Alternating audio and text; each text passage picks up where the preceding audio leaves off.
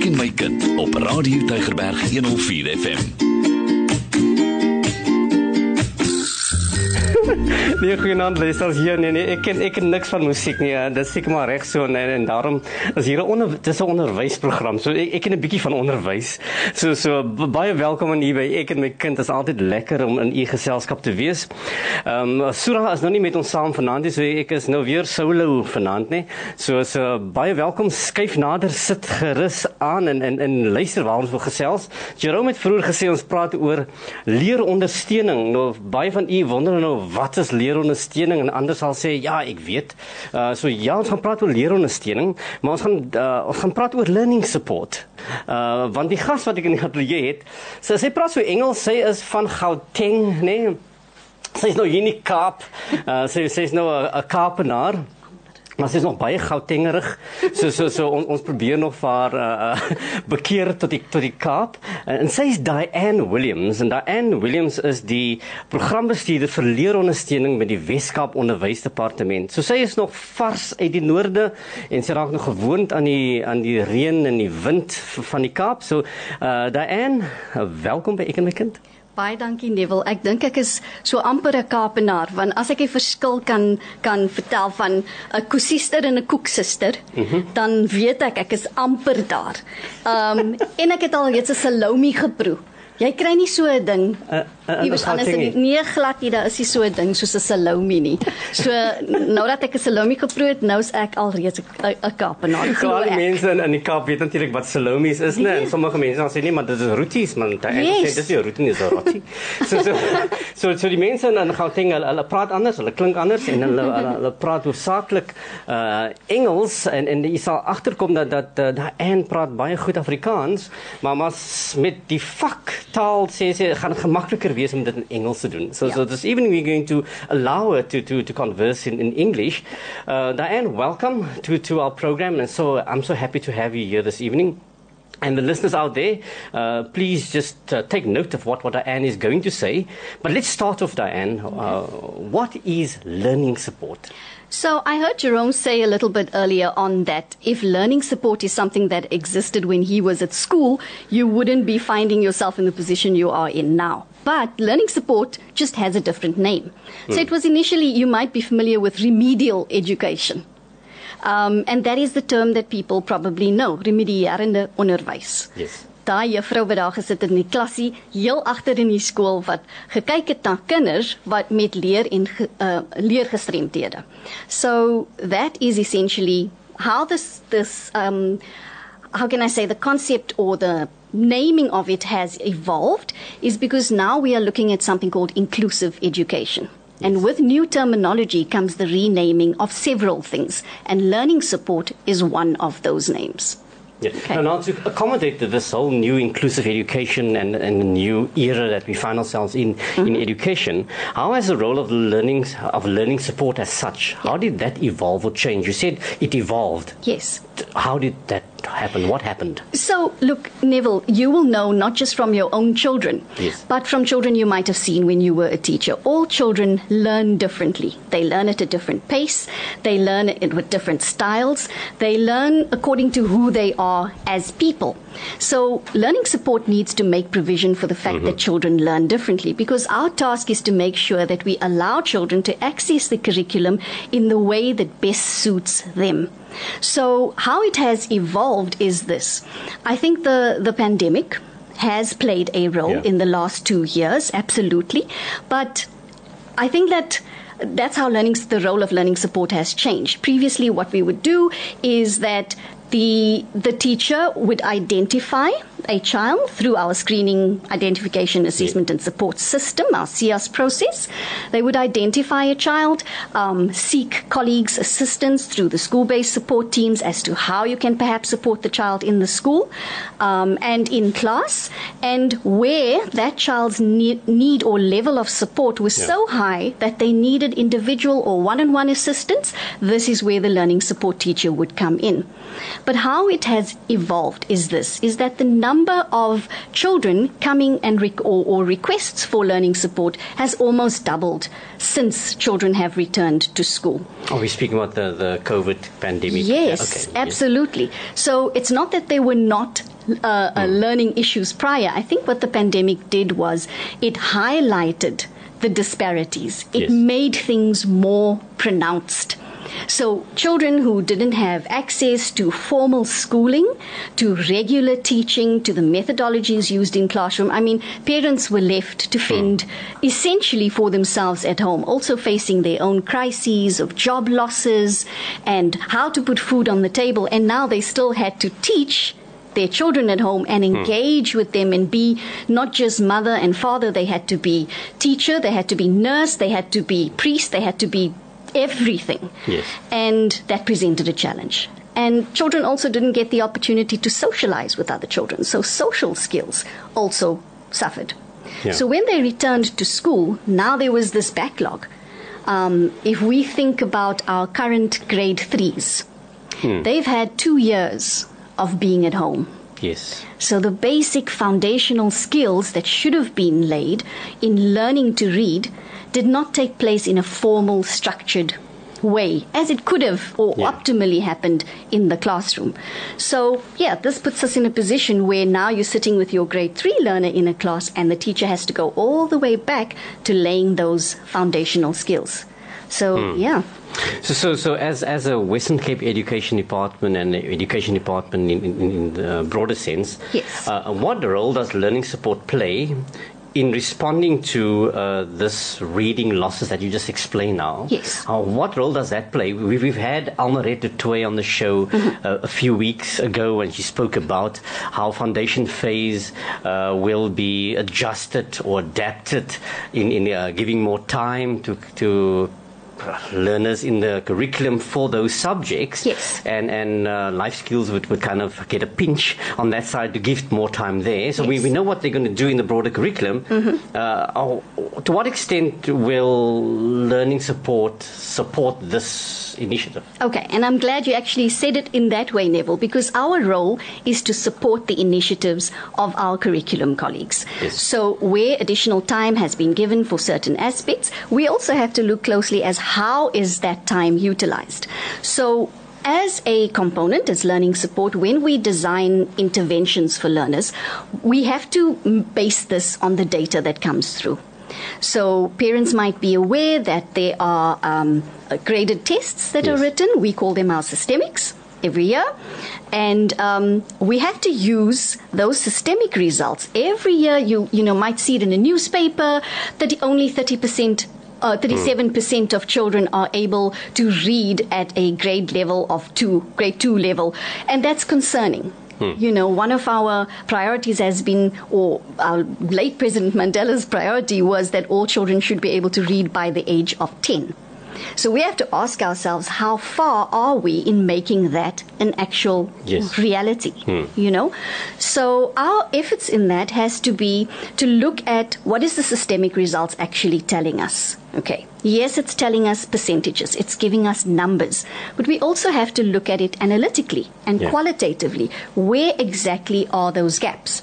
So there was a study done, and Almaret may have spoken about it, or your guest next week might speak about it, is we looked at reading diagnostics. So you look at, at the reading levels or specific diagnostic test given to grade twos in a certain number of pilot schools here in our metros. I think there were 710 learners Yeah. whose reading diagnostic was done. And based on that, they identified the fact that whilst children are able to recognize the initial sound um, in a word, they're not able to recognize the end sound or to blend sounds together. So, if I can give you an example. Okay, please, so Okay, we so can make just- it simple yeah, for okay. Okay. So, if I if I talk about the word cat, for example, so a child might be able to recognize the k in Hmm. cat. Okay? But seeing the letter k, seeing the a, and seeing the t, being able to blend it together to recognize that that word is cat is where the challenge actually is. In blending, in substituting. So if we say, if I take away the letter k, I'm going to ask Yeah. you this, Neville. Okay, so here's our word cat. We've got k, a, t. So somebody comes, Neville, and they steal away this letter k, and it's gone out the window, Neville. Yes. But oh my goodness, here comes the mm, and the mm comes and positions itself in front of the a, t. What word do we have now, Neville? Matt. Well done. So Okay? Yeah. So that is the idea. So our what we decided to do was to look or, or rather based on these diagnostics and based on the systemics our learning support teachers and advisors with the assistance of the coordinators as well as input from curriculum and our speech and language therapists because the therapists also play a vital role in the development of language and hence the acquisition of, of reading skills. Um, put together a program called fast. Now that stands for phonemic awareness skills training. So oh, in What's a- Afrikaans is dit fonemiese bewustheid. Okay. Yeah. All right. So, mm-hmm. what a phoneme is is it's the it's the simplest and smallest possible unit of sound in a language. So like the k, hmm. for example. That's what a phoneme is. Yes. Okay. Okay. So, yeah. Liewe luisters, die um, persoon wat vir my 'n uh, taalles gee hier op radio is, is uh, Diane Williams en sy is die hoof van leerondersteuning hier in die Weskaap Onderwysdepartement. En sy praat oor leerondersteuning is dat daar kinders, elke kind in die skool uh, het dalk 'n leerbehoefte en hy gaan dalk leer ondersteuning nodig het net om die kurrikulum um, meer toeganklik te vind. En en da Diane Williams is die is die hoof van hierdie program en dan sy gesels met ons oor oor hierdie belangrike program van die Weskaap Onderwysdepartement. Diane, if if you're saying that that that uh, there's um, a learning support program, who presents this program? Okay. So, Neville, throughout the eight districts, Yes. we have what we call learning support teachers. These learning support teachers are based at both primary and high schools, Yes. predominantly at the moment at what we call our full service schools. So, to clarify, a full hmm. service school is a public ordinary school, it's a mainstream school. All the way from grade 1 to 7 or grade R to 7 in a primary school and grade 8 to matric in a high school. Yes. Okay? But with the addition of the fact that these schools have access to a basket of services. And hmm. this basket of services includes support in the form of therapy. So you might have either an occupational therapist or speech therapist on, on the team. You'll have a learning support teacher. You have a psychologist. Yes. And these teams, called our inclusive education teams, visit the full service schools to render these support hmm. services. In addition to that, at each of the full service schools, um, we also have a, uh, a learning support teacher based at that particular school. Okay. Yeah. So, so admin, uh, ordinary mainstream schools, we could also have learning support teachers there. Yes. Uh, either in an itinerant position where they might share certain schools. Yes. So so so luisters, u sal ook ver- verneem dat as u weer skool gaan op uh, sal hulle sê daar is 'n leerondersteuningsjuffrou, maar vandag is sy nie hier nie, sy is by die ander skool. En en en uh, b- uh, omdat ons nie genoeg mm. van sulke onderwysers het om dit Ja. net oral te smeer reg oor die onderwysdepartement nie, het ons uh, uh, leerondersteunings uh, onderwysers wat wat op sekere uh, skole diens doen, maar elke distrik het 'n uh, hoop van hulle wat wat wat diens doen. Ja. Um, Diane, you were, you were speaking about uh, phonemic awareness, like is the, which a, a phoneme is the smallest particle of a word, right? The smallest sound. So phone is, is, is het te maken met klank. Yes. Uh, what is phonemic awareness? So, Uh, is dit klanke? Is dit- is dit Exactly, it's- Wat toe uh, toe Jerome op die skool was. Yes. That, that's exactly what it is, to put it very simply, Neville. It is the recognition of single Maar dit maar dit sounds. was 'n ou ding, is dit nie? Dit is 'n ou ding. so you will be you might be familiar with the fact that I don't know when I when I was in school way back when um, that is the way I learned to Yes. read but with the evolution and revolution and of the education system as it went through its various journeys and trajectories different methodologies different ways of thinking and doing hmm. were attempted so we've come a long way and now there is this recognition that actually we had it right to start with Yes. so we really are going back to basics. So if parents think about it, if they go all the way back to when they were at school, hmm. you know, to actually listen, this is familiar to, to me. Dis iets wat ek eintlik kan doen. Ek onthou die juffrou van graad 1 wat gesê het katte is kat. Byvoorbeeld. So, so, so what you're saying is, is that the, the, the word is taught to the child through uh, um, recognition of sounds and the blending of sounds, so the child could form a word. Yes. So, Neville, it's not. It, so in a way, actually, if I look at it from the from a parent perspective and not an academic perspective now, Yes. it's like watching your child play around with sounds. It's a game. Yes. Take a, you can even make up nonsense words, but the idea is that um, a child is able to read not just from the reader that is presented to them in hmm. school, because often what children do is they memorize the reader. Now they Yes. go home, Yes. and then parent thinks, "Yo, my child is so oulik," and they tell the neighbors, "You know what? My child is on reader number three already. She read through fast." And so we don't actually know are children memorizing these books, or are they actually Reading. analyzing each word, putting the sounds together, blending them, and will they be able to recognize that same word in another context if you take it out of the book? For example. So that's what we want them to do is in recognizing the initial sounds and recognizing each what each letter sounds like, they should be able to put any word together. Yeah. Now, in the grander scheme of of, uh, of teaching reading, Yes. uh, what is the phonemic awareness? What's the importance of phonemic awareness? Okay, so it's the building blocks to learning to read. So Okay. if a child cannot put together single sounds, then your foundation is Yes. actually it's not there.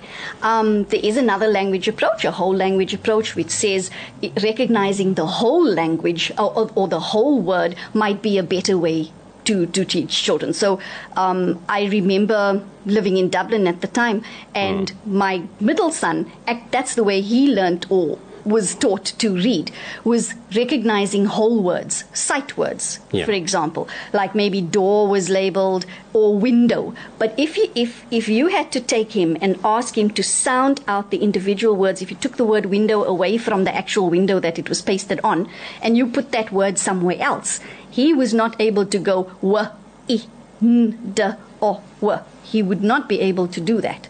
So, um, the approach that we're taking is saying that if children are able to recognize hmm. single sounds, so they go from the simple recognition of single sounds to blending, to hmm, being hmm. able to substitute letters like we did in our little game, Yes. um, adding letters. yeah. Okay, so Neville, if we had l, a, p, what word is that? Lap. Lap. Well done, Neville. You were a student. Now, if I add a letter in front of the l, what word? What word would I have if I said k? If I added the letter k in front of the word lap, what would you have? Well done. Mm-hmm. Okay, so that would be our addition. Okay? Okay. If I said to you, Neville, here's your word clap. Now let's take out the letter l. What am I left with? Let's sound it out. K. K. A. P. What are you left with, Neville? Cap. A student. Okay. Well done. All right. So, yeah. No, no, now, you also explained that there's the whole word recognition method. Mm-hmm. So don't we use that anymore? There is a room for it simply because all children learn differently. Okay. So we're basing our phonemic awareness skills training or this approach on synthetic, uh, you know, the synthetic phonics approach on the fact that this is what our data is telling us where the gap is Okay. in learning. It's based on that.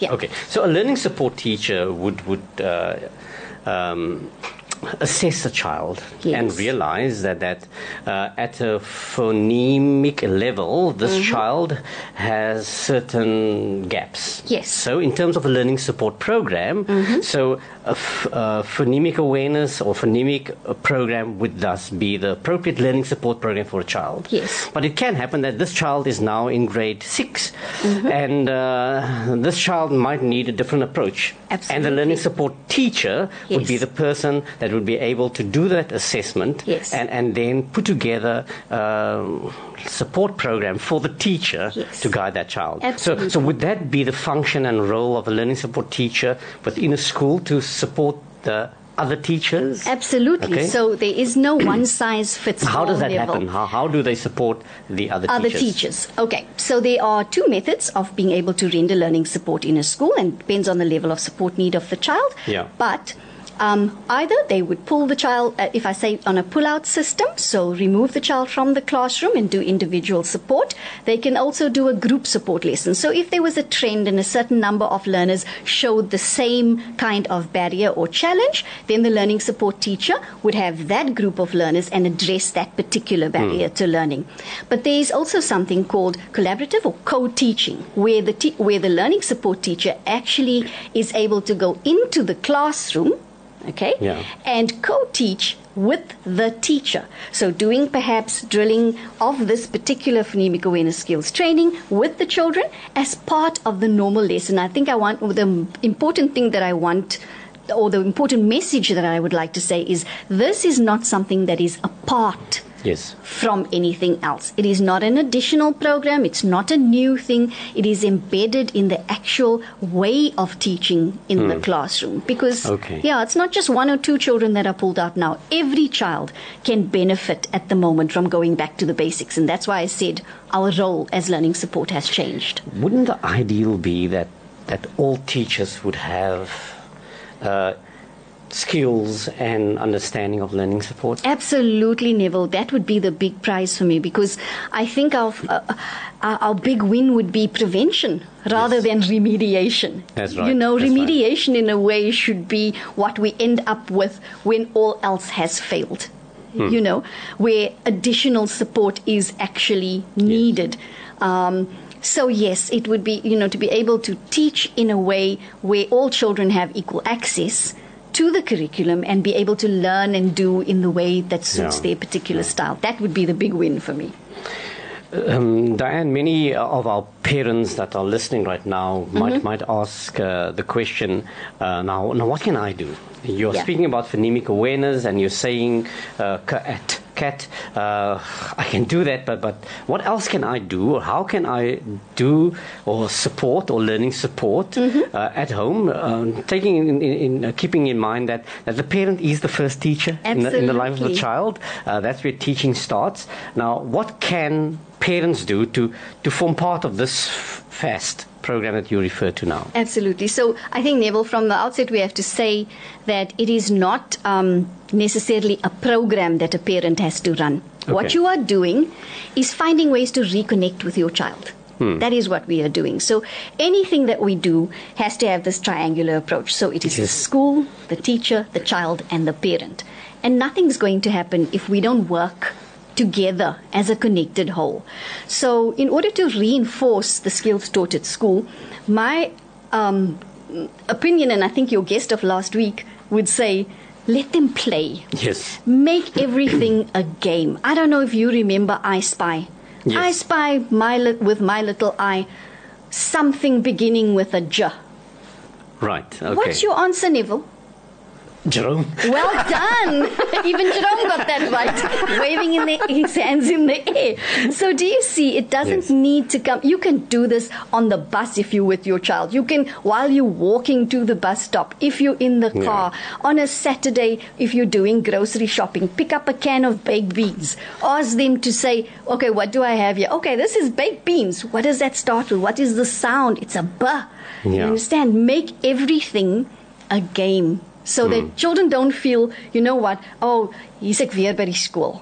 Ja. Dis maar ja. net mamma wat met my speel, in games speel. Ja. That's what they want. They want their parents to know what's going on at school, but make it fun. Ja. Ja. Liewe luisters, uh dit is die stem van Diane Williams en sy is die um, hoof van leerondersteuning met die Weskaap Onderwysdepartement. And Diane, thank you so much for for being here this evening. I, I think I've learned such a lot uh just listening to you and and uh, I think that many parents would would now think about uh this whole concept of learning support and and you are encouraged to to go to your schools and ask the principal of the school, tell me about your learning support program. And every primary school at least would have a learning support program, a support program for, for, for learners, and, and they would be able to give you some idea as to what they are doing. Yeah. So thank you, Diane, for, for being on Economicant. Thank you very much for having me. uh, liewe luisteraars, baie dankie dat u saam met ons gekuier het uh, en ek uh, uh, vertrou dat u 'n wonderlike aand verder sal hê en ek sien uit om weer volgende week met u saam te gesels. Goeienaand vir my. Potgoeie op Radio Tygerberg 104 FM.